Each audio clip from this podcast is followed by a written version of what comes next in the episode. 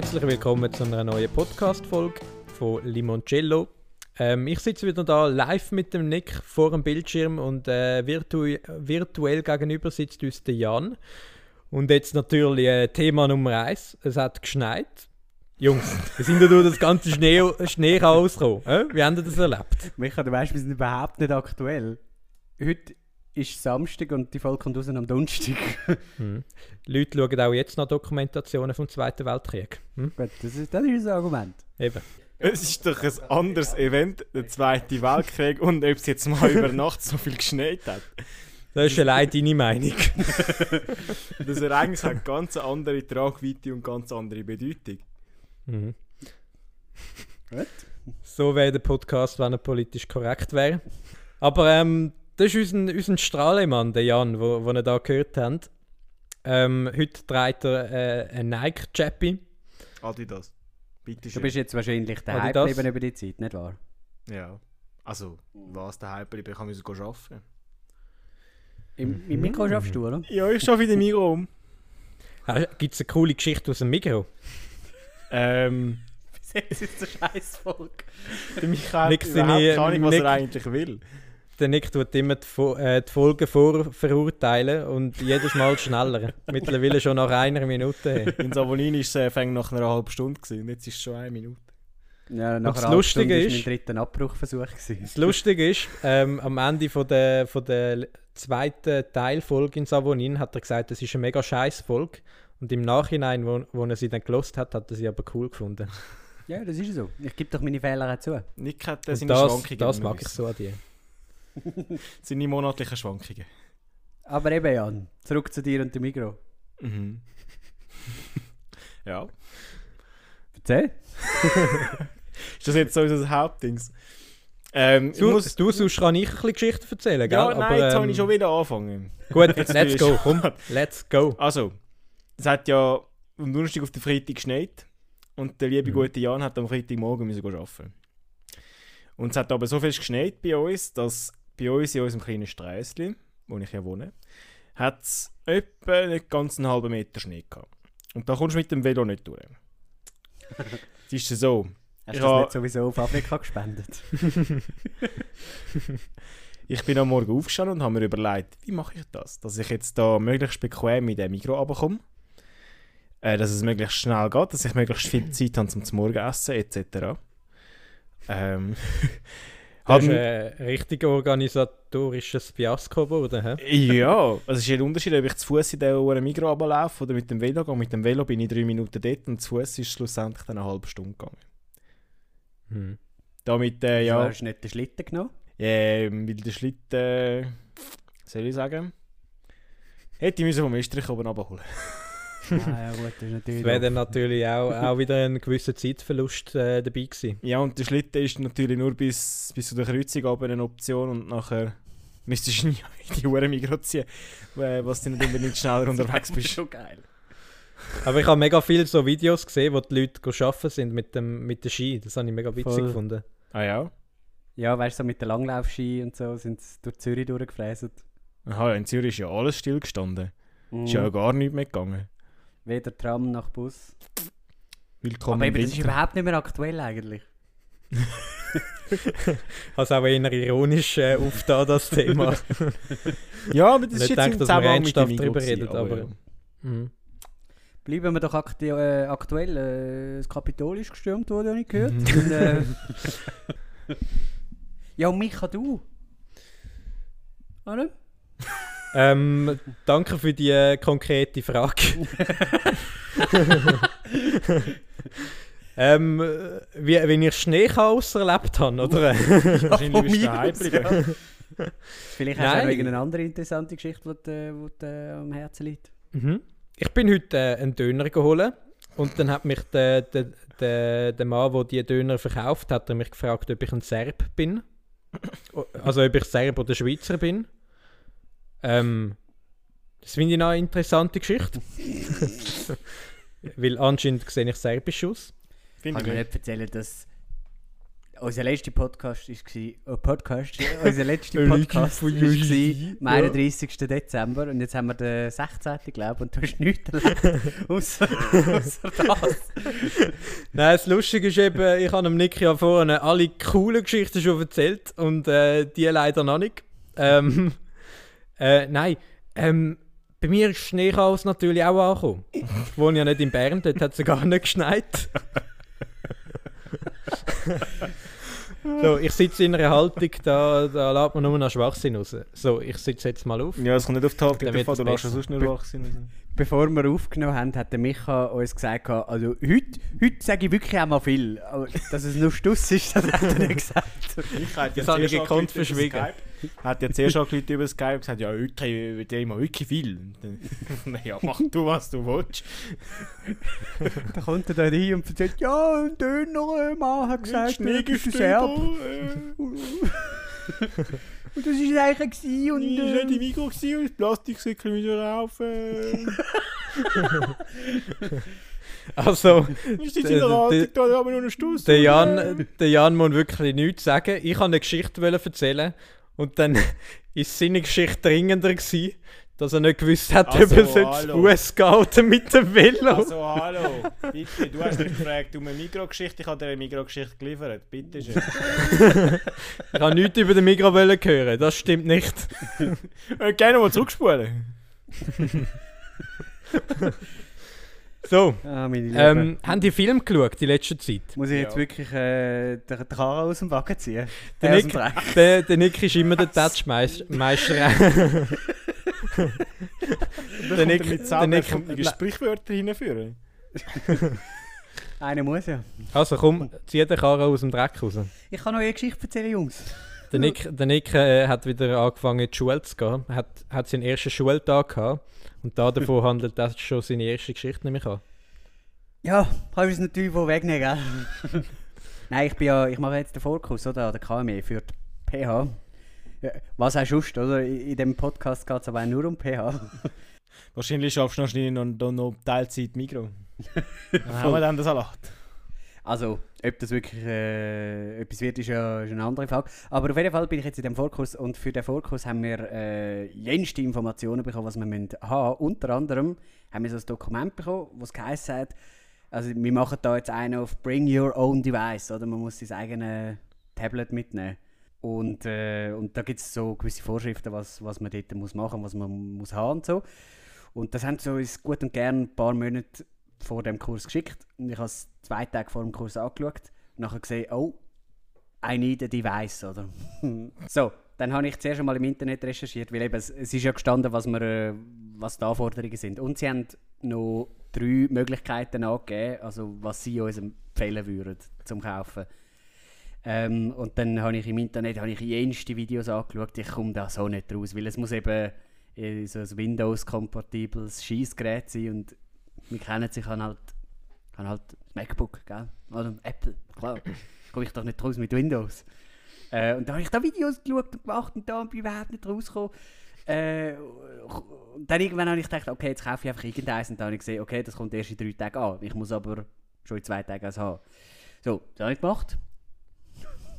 Klar, oder? Beim Mediamarkt. Also ja, genau. Hätte ich jetzt auch vorgeschlagen, um es persönlich zu holen. Genau. Hey, aber Moment Ähm, mal, wieso brauchst denn du ein Windows-Gerät?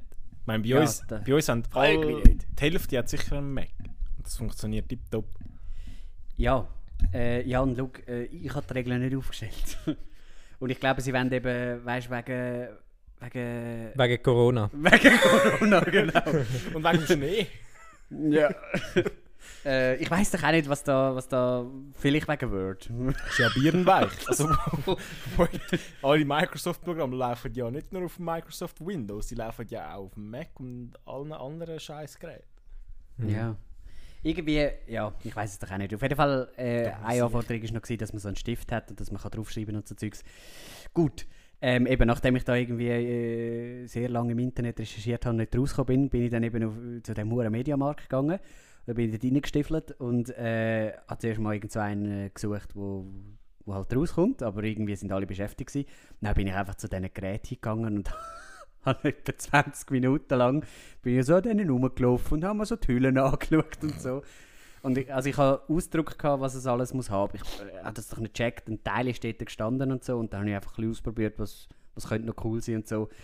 Da bin ich kurz davor gewesen, wieder aus dem Laden rauszugehen, weil ich einfach dachte, ich check das nicht. Äh, und dann ähm, ist dann irgendwann so einer gekommen und hat mich kompetent beraten. Und dem habe ich dann... So ein, äh, ein, ein Lehrling gsi, der seinen ersten Kunden möglichst kompetent hat wollen beraten, so mega selbstbewusst, es ist so ein, voller Tatendrang. so ein 50-Jähriger, gewesen, der hat nicht Ja. so gut Deutsch können, aber er war mega sympathisch. Gewesen. Und der grinset über beide Ohren. äh, und der ist dann zu mir gekommen und dem habe ich dann gerade die Liste in die Hand gedrückt und gesagt, «Schau, da- das muss ich haben und so. Und dann hat er das angeschaut und gesagt, ja, ähm, die Geräte, die sie uns empfehlen, stimmen aber nicht überein mit dem, was das Gerät muss können. Also das, was sie empfehlen, kann das gar nicht, zum Teil. Ähm, Ausser halt das teuerste davon. Und äh, dann habe ich gesagt, ja, aber ich, ich will ja nicht das teuerste. Oder? Und dann hat er gesagt, ja, entweder, entweder oder. Und dann habe ich mit dem geschnurrt, wieder irgendwie 20 Minuten. Und der hat mir das wollen erklären und machen und tun. Und, auch dort, irgendwann habe ich dann auch wieder gefunden, Meister, äh, ich will es gar nicht mehr wissen, oder? Jetzt nehmen wir einfach irgendeins. Ist mir, ist mir scheißegal, jetzt nehmen wir irgendeins. Das, was du würdest nehmen, wenn du ein Student wärst, habe ich gesagt. Dann hat gesagt, Und gut. Dann, dann hat er, äh, hat er, ist er mit dir in Coop gelaufen und äh, dann sind er, sind er Milchschnitte kaufen.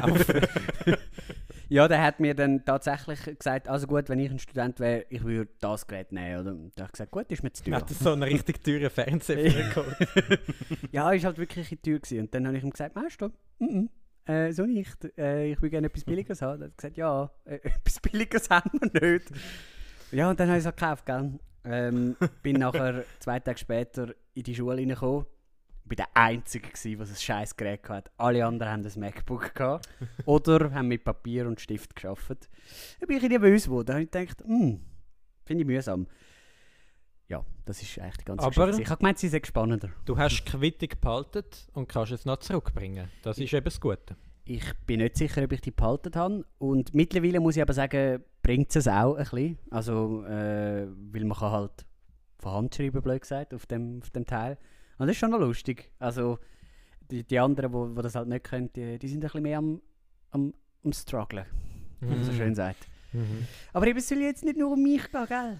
Ich habe gedacht, ähm, um da noch ein bisschen Spannung reinzubringen, unsere Idee war ja, gewesen, äh, dass wir uns auch ein bisschen kreativ ausleben, ähm, könnten wir mal eine Geschichte improvisieren. Was meint ihr da dazu? Verstehe ich nicht, komme ich nicht raus. Also, Jack, ich noch nicht verstanden. Ich gebe euch äh, drei Wörter und ähm, Geht das so in Richtung von den ersten fünf Folgen, wo wir einen Witz versuchen äh, auszudenken? Apropos Ähm, erste paar Folgen, ich habe ja mal ja. bei, ein, bei der allerersten Folge wieder reingelost. Zwei Mhm. Sachen sind mir aufgefallen. Der Micha, seine Stimme tönt viel jünger als jetzt. Also ja. Viel höher, gell? Ja. Ja, höher. Also, Da bist du noch im Stimmbruch gewesen. wir haben, ähm, also der Nick und ich haben die Folge letztens auch gelost. Also, das klingt jetzt vielleicht ein bisschen komisch, aber wir sind im Auto gesessen und Nein, ähm, zu wir, haben, wir haben schon vorher den ganzen Tag geredet gehabt und haben darum wieder mal die Folge wollen hören. ähm, gell, ich rede mega hoch und der Nick redet einfach 90% Nonstop, von der Zeit. und wenn ich mal etwas sage, dann äh, sind es auch nur mega dumme Kommentare irgendwie. Darum ist mir schon froh, Ja, dass der stimmt. Nick so viel redet.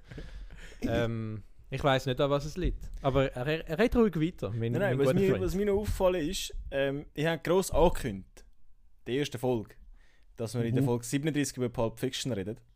Das ist ja so. Und jetzt sind wir in der Folge 38. Das Gefühl, wir müssen da etwas nach. Sind wir in der Folge 38? Ja. Oh, wir haben es verpasst. Also eigentlich Oh, oh, oh. könntest du es noch retten, wenn du A-Team Remake Teil 2 in 36b würdest umbenennen Oder löschen ist- sie einfach. Weil äh, gut kommst du eh nicht weg, Jan. Ich habe im Fall im Nachhinein herausgefunden, dass das, was der Merlin erzählt hat, Teil nur halb stimmt, wie immer. Schon. Ja, ich habe nachher mit noch jemandem über das Waffenzeug diskutiert, Das haben wir Äh, gar nicht im wo Podcast wir nicht im. Podcast besprochen haben, aber nebendran. Und dann habe ich logisch schlussgefolgert, dass er auch im Podcast wahrscheinlich nur die halbwahrheit erzählt hat, wie immer. Aber das ist, das ist immer sehr sympathisch, wenn man einen Gast einladet und dann eine Folge später ohne den Gast sagt, ja, der Gast redet meistens nur Scheiße. Habe nicht gesagt Scheiße, ich gesagt Halbwahrheit. Aber ähm, also ich habe die Folge auch gelost mit der Merlin. Ich muss sagen, mir hat sie mega gefallen. Ist mega ich finde spannend, sie, ja. ich finde es mega spannend. Ähm, aber irgendwie fallen mir immer beim Hören dann noch weitere Argumente ein, die mir dann im, im Moment nicht einfallen. Du sagst jetzt gerade ernsthaft, du, ich habe unsere eigene Podcast-Folge gelost und muss wirklich sagen, es ist eine gute Folge geworden. Ich habe es wirklich spannend gefunden. Ich glaube, es gibt nichts Geileres als unseren Podcast. ja, das habe ich alles noch mehr ironisch gesagt. Ich finde ich find natürlich alles mega scheiße, was wir machen. Also, dann erzähl jetzt. Was hast du Also, erzählen? wir sind äh, bei Pulp Fiction, oder? Aha. Wenn wir jetzt Aber über müssen wir Pulp nicht jetzt Fiction machen, du hast reden. die Spiele da wollen machen, wir können nachher noch über Pulp Fiction reden. Ähm, So fest ja, können wir können wir bitte schnell über Pulp Fiction reden, weil in dieser Zeit kann ich mir ähm, einen genaueren. Ablauf von dem Spiel überlegen. weil ich habe eine bessere Du Reaktion hast dir erwartet. etwas überlegt. du hast dir ein Spiel Ja, ich habe mir das-. Du Ich habe hast mir das Spiel überlegt, ja. Also, weißt du was, wir improvisieren jetzt. Okay. Ähm, der, der Jan ist jetzt ein Laden, also so ein Verkäufer in einem Laden im Mikro, Ja, ja also Erfahrung. gewohntes Szenario. Okay, nein, wir trüllen um. Der Nick Oh. ist der Mikroverkäufer. aber ich weiß aber gar nicht, was im Jan sein Text ist. Ja, jetzt, jetzt ich bin ich ein einfach. PH-Student, der einen Laptop will kaufen. Los, die mal mir, Ich, ich bin ein zu. PH-Student, der einen Laptop will kaufen. Ja, das bist du nicht. Der Jan ist ein 50-Jähriger. Ein 50-Jähriger, sagen wir mal, kommt. Wo die Kasse meine, das kommt. 50-jährige äh, im Mikrogestell oder was auch immer. Ähm, du, du bist ein 50-jähriger Kunde, der an die Kasse kommt, Jan. Mhm. Und ich gebe euch beiden ein Stichwort. Nick, dein Stichwort ist Butter. Mhm. Mach irgendetwas daraus. Ich äh, lade dir da kreativen Raum. Ein Kuchen Und. Jan, Jan ähm, dein kreative Wort ist Fenster. Und was machst du in dem ganzen Szenario? Und ich äh, schaue zu und amüsiere mich. so viel von wegen, ich rede heute richtig viel. Nein, äh, ähm, Aber du, so stellen wir uns einen Touchmeister nein, nein, vor. nein. Ja, eben, ich bin der Touchmeister. Ähm, ich, ich gebe euch, ich sage mal so zwei Minuten oder so, also ich schaue jetzt nicht genau auf die Zeit, aber falls es mir jetzt langweilig wird, unterbreche ich das. Mhm. Oder vielleicht komme ich auch selber als Kundin, äh, wenn ihr mich inspiriert. Okay. Also, Und jetzt müssen wir also eine Rolle spielen. genau. Also ich so? würde sagen, der Jan macht den Anfang, indem er Grüezi sagt und an die Kasse kommt. Das macht jetzt einmal gar keinen Sinn, aber ist egal.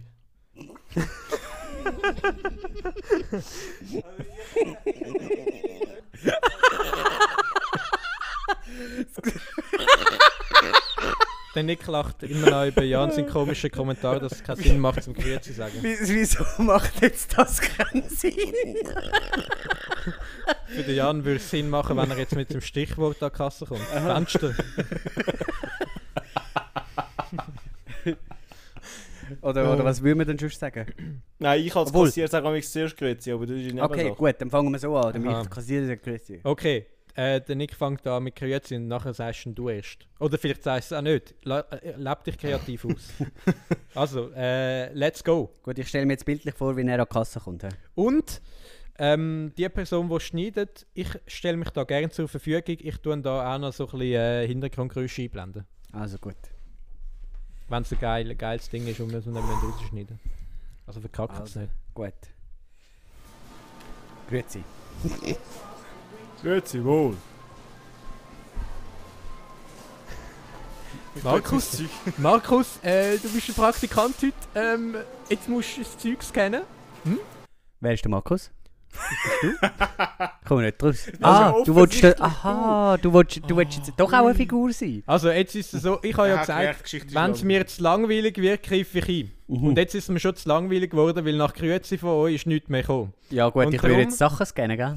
Genau, und darum habe ich jetzt gesagt, äh, Markus, du musst jetzt Sachen scannen, weil, weil der Gag ist dann, dass ihr schweigend voreinander steht. Also gut, dann, dann fangen wir nochmal an. hm? Also, jetzt machen wir... Gag. wir ma- Dann spiele ich jetzt auch eine Figur. Das Szenario ist jetzt, du bist der Praktikant an der Kasse, Nick. Ja. Also. Äh, Grüezi. Grüezi, wohl. Äh, bis zu den Fleischsachen sind, ist alles rein.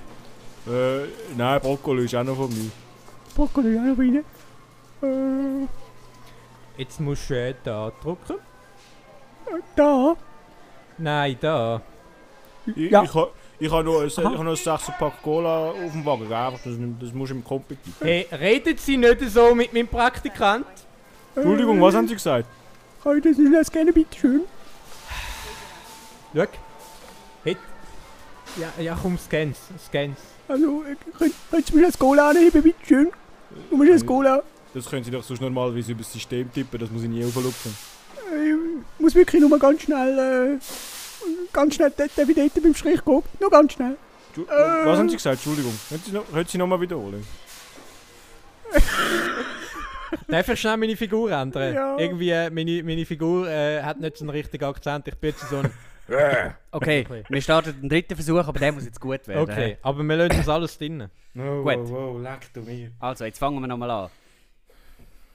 Äh, grüezi. Guten Tag. Äh, ist das alles Ihnen da? Äh, ja, aber ich muss zwei separate Einkäufe machen, bitte. Ich muss zwei Quittung gehen. Zwei Kritiker. Äh, bi- bis wo wollen Sie dann die erste gern? Ja, Sandro, Sandro. Ja, Hey, tu, tut mir leid, verehrter Kunde. hä? Ist mein Praktikant, ist ein bisschen frech. Ja, macht Schau, nichts. der Kunde, der Kunde tut mir immer sitzen. Sicher nicht duzen. Oh, äh, grüezi. Äh, wieso sind Ihre Sachen? Es tut mir wirklich leid. Jawohl, so ist richtig. Bis zum Warentrennstaub ist, ist alles bei mir und das zweite ist dann für meine Nachbarin, weil die kann nicht mal redet sie auch so tief wie ich? Hä? Haben Sie das Problem? Nein. Ist der Butter, der Butter ist der nicht zum halben Preis heute? Hey, nicht so frech zum Kunden, bitte. Hä? Ähm, Regular. Regular ist der Butter zum halben Preis heute nicht, oder? Ich bin der Praktikantsbetreuer, du fragst gefälligst mich. Äh, Sandro, ist, äh, ist der Butter halber Preis heute, habe ich gehört. Ja, ja, der Preis. ja. Also, äh, die- die- Ich tippe, richtig. aber, aber, aber dann sehe ich jetzt gar nicht, dass der halbe Preis ist da äh, im System. Ist ein herziger Praktikant, oder? Was meint sie? Es tut mir wirklich leid, die Leute warten schon. Können Sie, können Sie mir Ja, jetzt tust du da draufdrucken. du- Draufdrucken. Ich habe Ich übrigens noch, ich nervös, zu viele Leute ich habe noch mit ein deinen 6 Pack Mineralwasser im Wagen, gell? Auch da noch abscannen. Sie, ich kann jetzt wirklich, Entschuldigung, ganz schnell. Äh, äh, die- können Sie mich an andere Kasse nicht rein? Ich muss wirklich jetzt ganz schnell auch mit dem jungen Mann schauen. Äh, Ja. ich- Können wir jetzt nochmal den Butter zum halben Preis? Ich sehe es nicht. Ich Ja, nicht da, wo. schau, da, da oben tust du drucken und dann ist das der halbe Preis da. Also, also gut. Äh, Das Mineralwasser haben Sie auch äh, ein- ein- eingetippt. Ja, können Sie einfach herheben, dann tut es dann einscannen. da. Entschuldigung, wie bitte?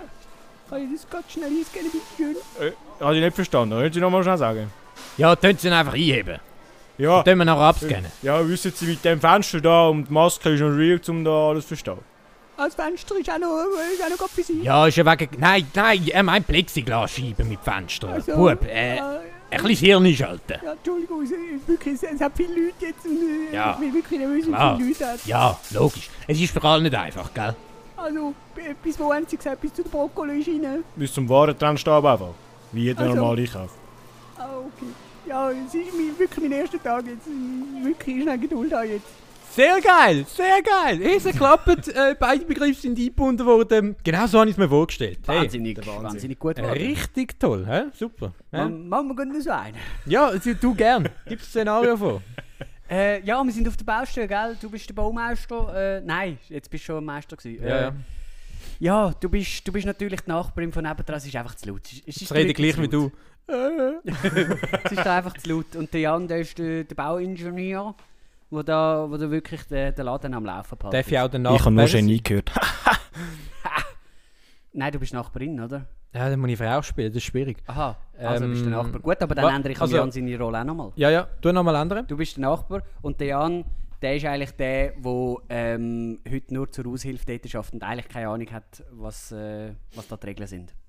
Okay, und ich muss einfach reklamieren. Genau. Sehr geil. Kein Wort, sonst nichts. Ähm, ich werde ab und zu mal noch etwas drin sagen, wo, wo, wo die Richtung ändern wird. Gut, sehr geil. du bist. Also, dann würde ich mal sagen, und Action.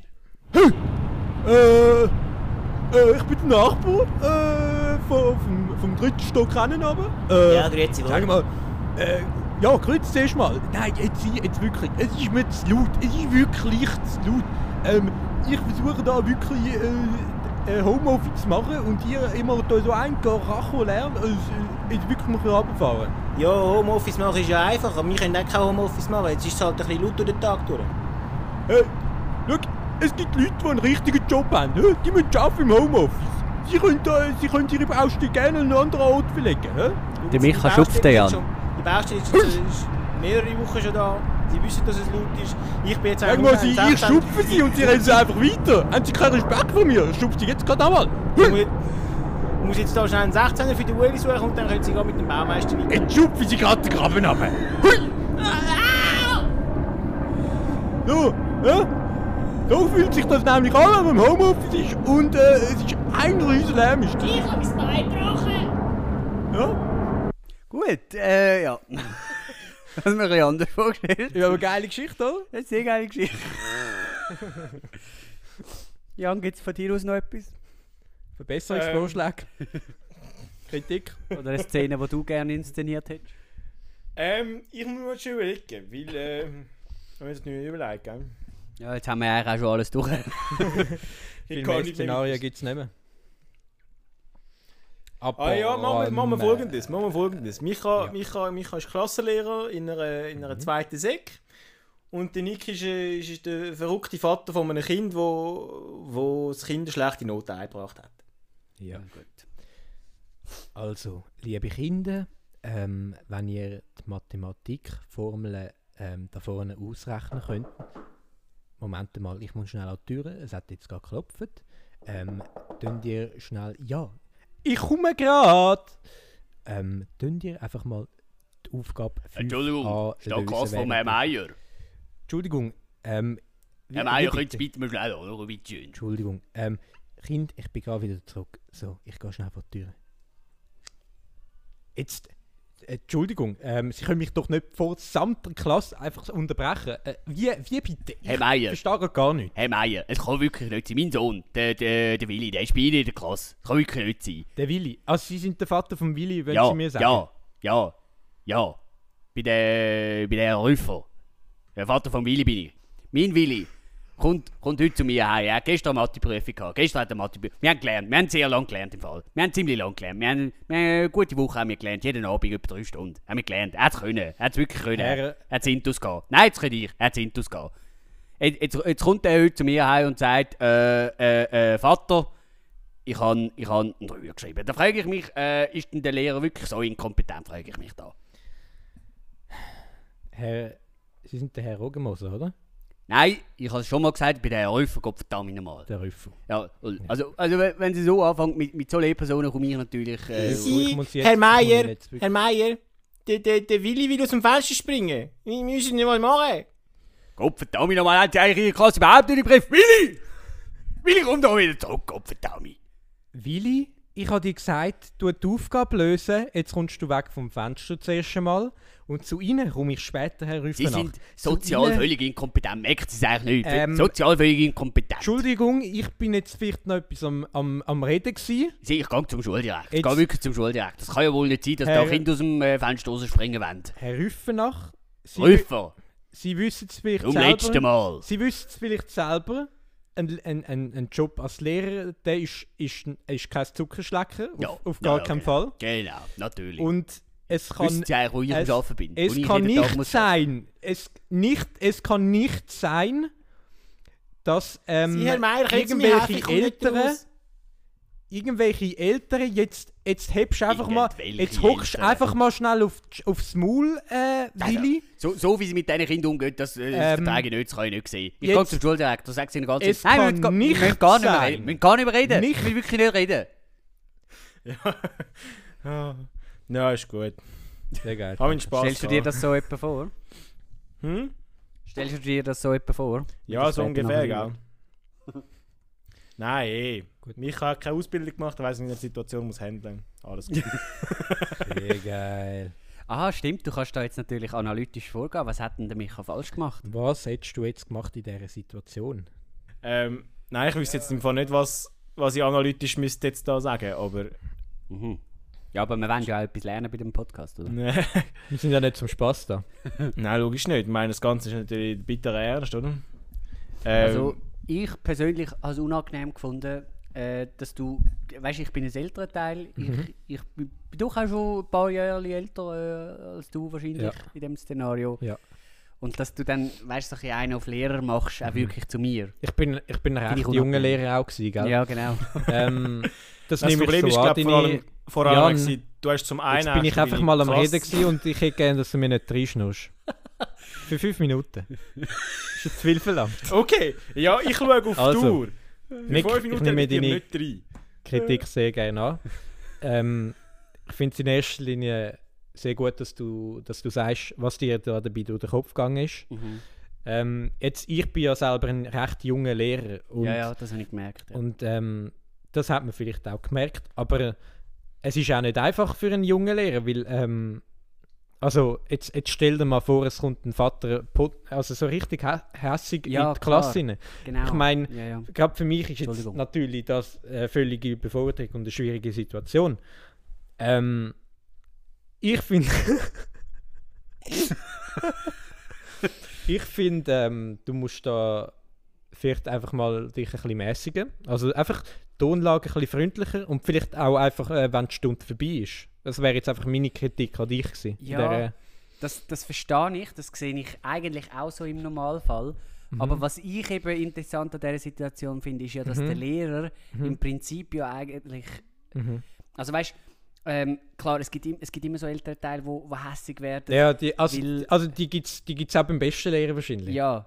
Und, ja. und, und ich, ich glaube, was bei dem älteren Teil Mhm. eben der Fall ist, dass der das Gefühl hat, er werde nicht verstanden vom, er, er nicht verstanden vom Lehrer. Ja. Weil, ähm, weil, ich meine, der Schüler kommt mit der Also Note das, heim, das habe ich, auch das, habe ich auch wirklich das Gefühl gehabt. Mhm. Also das hast du wirklich gut übergebracht. Ich habe das wirklich gefühlt in dem Moment. Ah, Ähm, dass das du dich- dass du dich nicht verstanden fühlst. Ja. Ähm, aber also nein, das hast du wirklich gut auch gespielt gehabt. Ähm, für mich ist dann halt einfach schwierig jetzt in der, als Rolle vom Lehrer selber, um dann können sozusagen die, die notwendige Konsequenz daraus abzuleiten. Mhm. Es ist schwierig. Es ist, also so eine Situation stelle ich mir recht schwierig vor auch. Mhm. Also dann gerade als Lehrer. Aber also grundsätzlich finde ich, Was ich super gefunden habe, ich schnell. Ich, Mhm. Ja, ja, ich rede ja. ungern rein. nein, nein, nein, du, ähm, also ich, ich finde es auch voll, völlig okay, wenn du mir mal schnell reinredest. Dann, dann mache ich das jetzt gerade gerne. Ja. Ähm, Hauptsache der Jan redet mir nicht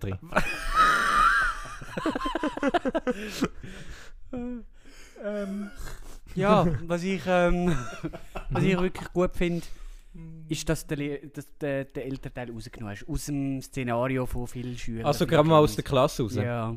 Also das habe ich aber auch gut von dir gefunden, weil du hast auch gesagt, äh, kommen Sie mal aus dem Zimmer. Mhm. Das habe ich schon mal gut gefunden. Ja, ich glaube, das hat auch mit Respekt zu tun gehabt. Ja. Wahrscheinlich, ja. Also das finde ich auch wirklich etwas am Guten, wenn man respektvoll miteinander umgeht. Mhm. Mhm. Ähm, gerade jetzt auch äh, in dieser Situation. Ja. Ja, sowieso. Also, es ist eine schwierige Situation und es ist für beide Parteien nicht einfach. Es ist wirklich, also ist wirklich nicht einfach. du musst auch immer herausfinden, wo ist jetzt die Mitte. Also wo, wo kannst du jetzt da ansetzen. Genau. Also, Wo kannst du ansetzen, ja, genau.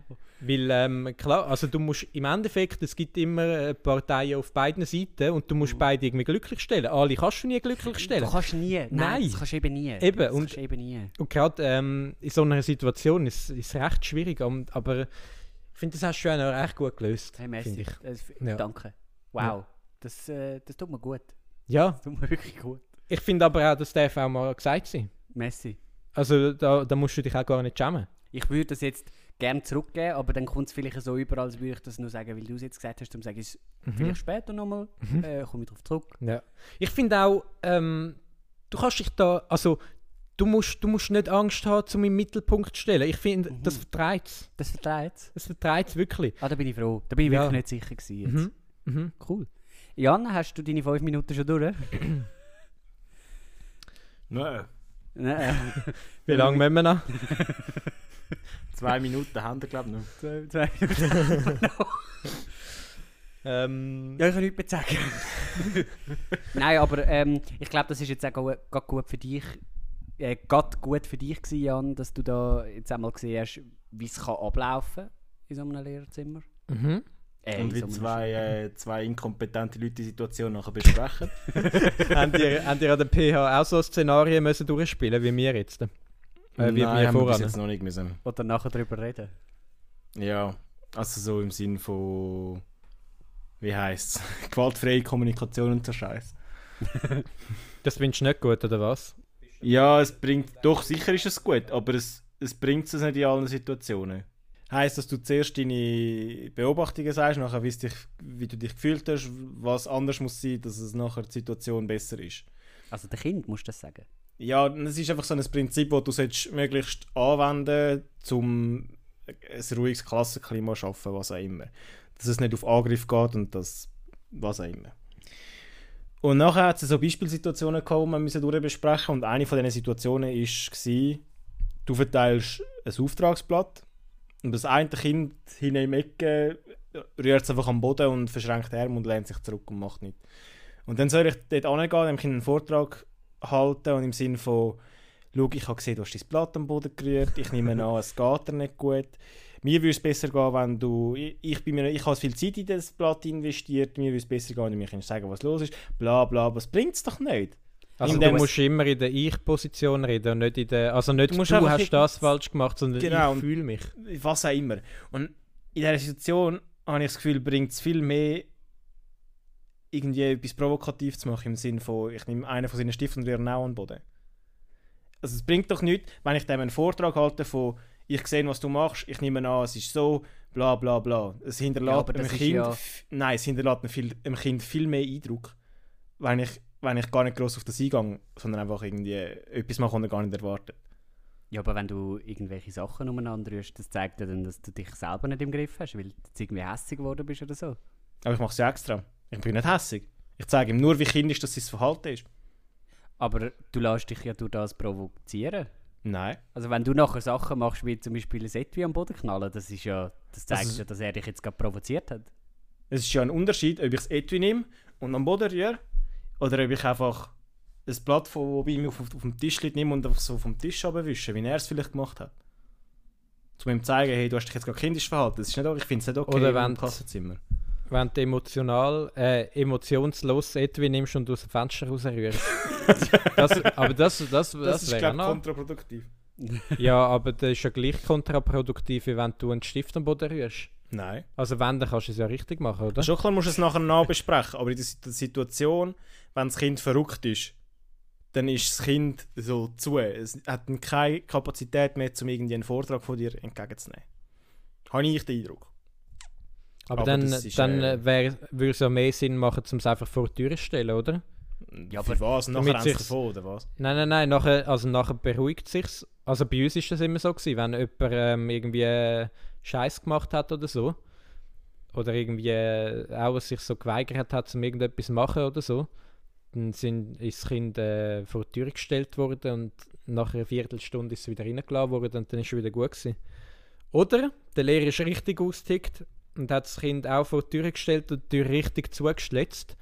Aber das hat dem Kind auch Eindruck gemacht, also das ist nicht mal schlecht gewesen. Ja, aber es trägt nicht so einem Klassenklima bei, wenn das Kind nachher so fest Angst oder Respekt vor dem Lehrer hat.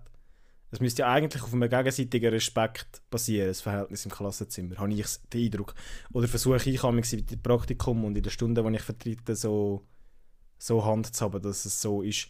Und nicht, dass ich so bin, ich bin jetzt der Chef und ihr müsst mir alle folgen.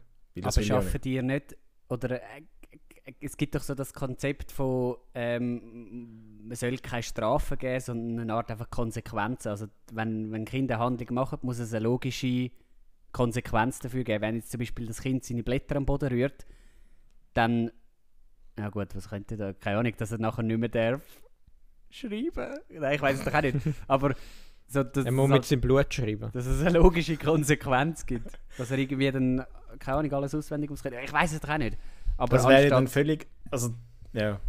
Das ist ja dann auch, also für, für so eine Kleinigkeit wie ein Blatt am Boden rühren. Also, ich meine, es gibt verschiedene Ansätze. Du könntest rein theoretisch könntest das Blatt einfach auflesen, ihm wieder antun und weiterlaufen oder gar nicht beachten. Und am Schluss von der Lektion oder am Schluss vom Tag musst du es einfach noch thematisieren. Du kannst es nicht. Das hat mir der ein Praxislehrer gesagt. Wenn irgendeine eine Störung vorkommt, dann musst du es an dem am gleichen Tag thematisieren, während es noch aktiv ist. Ja, voll. Weil Und am nächsten Tag kommt, hey, du bist im Fall gestern, hm? Wenn du Pech hast, ist das Kind am nächsten Tag gar nicht in der Schule und dann fehlt es eine Woche und dann bist du einmal noch Weiterbildung und nachher kommst du eine Woche nachher, hey, weißt du noch, am Dienstag am 9. Uhr hast du Fall mein Blatt am Boden gerührt.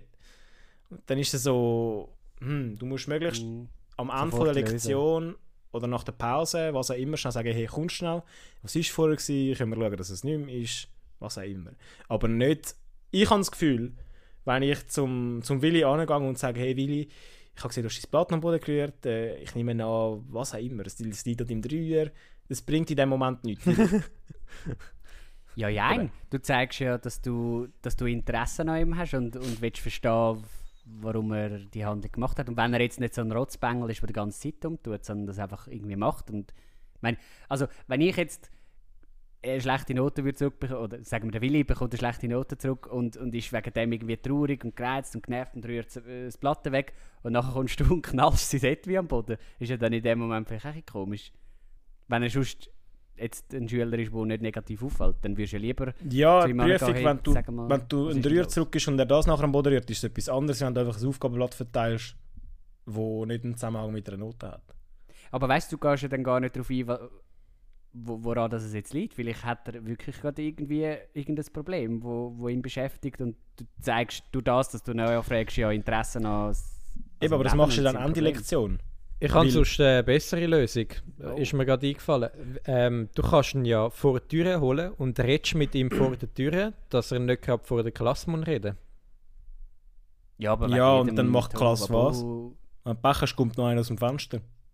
Ja, die, Nehmen Sie die uns ein Beispiel. Klasse, die Klasse äh, kannst du der Klasse sagen, also fangen mal an lösen, weil du hast ja gerade Blätter verteilt und äh, ihn holst schnell vor die Tür. Das kannst du machen, wenn du deine Klasse lang kennst und weißt, dass sie so Situationen können selbstständig handeln Wenn du eine Klasse hast, die du frisch hast, wo noch nicht einen Zusammenhalt etabliert hat, kannst du das nicht, weil du weißt nicht, wie lange das Gespräch mit dem Willi nachher geht. Vielleicht erzählt er plötzlich von, von einem Suizidversuch von seinen Eltern oder was auch immer. Du weißt nicht, mit was für eine Geschichte das der kommt. Und wenn du nachher 20 Minuten mit dem draußen bist und die Klasse innen dran hat eigentlich einen 2 Minuten Auftrag, wo du wo als Einstieg für eine andere Übung gedacht ist, hast du nachher ein Problem, weil die wissen nicht, wie sich selber beschäftigen. Wissen sie wegen einfach nicht. jedem Furz, wo irgendjemand in der Klasse macht, mit dem nachher rauszugehen. Eben, Also, es, ist also, ja nur noch am Rauslaufen die ganze Zeit. was mir der eine Praxislehrer gesagt hat, eine Störung ist erst dann eine Störung, wenn du es zulässt. Und darum Ja, thematisierst du oh, das Zeug thematisierst das Zeug entweder Ende Lektion oder nach, nach einer Pause. Möglich, möglichst bald halt, wenn die anderen... Du kannst deine Lektionen so fertig machen, dass die Klasse halt die Lektion kann fertig machen kann und der andere hockt vielleicht hinten dran im Ecke und schmollt. Mir dann gleich. Mhm. Solange er nicht aus dem Schulzimmer rausläuft. Ähm, aber ihn rauszuholen und so mit dem Lektionsfluss zu unterbrechen, ist in dem Sinn nicht wert. Weil du thematisierst ja nachher schon mit ihm. Aber dann, wenn es die anderen nicht mehr angeht. Voll. Ah, das ist doch Aber wieder dann, spannend. äh, dann hat sie ja doch recht gehabt. hä? Sind wir da im Psychologie-Podcast geworden? Finde ich gut. Habe ich gern. Finde ich spannend. Vom, äh, Aber jetzt, wir, äh, wir wechseln da in in einem Schritt über, ähm, über Impro-Theater richtig dämlich zu ganz ernsten Themen. Du, wie sehen das, wenn wir langsam Feierabend machen? Nämlich kannst du den schmeißen. Ja, ja, darum frage ich. Und sag's nicht hat einfach. wieder mal nicht im Griff. Ja, ich finde, da haben wir einen guten Bogen geschlagen und sind eigentlich auch wieder ähm, bei dem Punkt vom Anfang. Da haben wir gut abgerundet. Hier Nein, sind wir wieder es gibt, es gibt so, so, einen, so einen Podcast vom Serdar Somuncu, die heißt Die blaue Stunde und dort ladet er teilweise so Gäste ein und stellt ihnen immer Fragen und so. Und irgendwie die Folgen sind immer so schön rund und irgendwie kommen sie irgendwie dann am Ende irgendwie trotzdem wieder auf den Anfang und es kommt so mega mega vorgeschrieben über, also als wäre das irgendwie ein geschriebenes Stück teilweise und er sagt dann auch immer am Anfang, oh, ja und da sind wir wieder am, am Anfangspunkt und das tönt immer so gut und ich überlege mir dann einmal immer, ähm, stimmt das eigentlich? Haben sie am Anfang auch darüber geredet? und darum wollte ich das mal nachmachen, um zu schauen, ob es jemandem auffällt. aber wir haben über Schnee geredet, darum ist es ein bisschen offensichtlich gewesen. Ähm, aber äh, in dem Fall äh, schließe ich die Folge ab und äh, danke euch für, für äh, das angenehme Gespräch und äh, ganz gute Woche.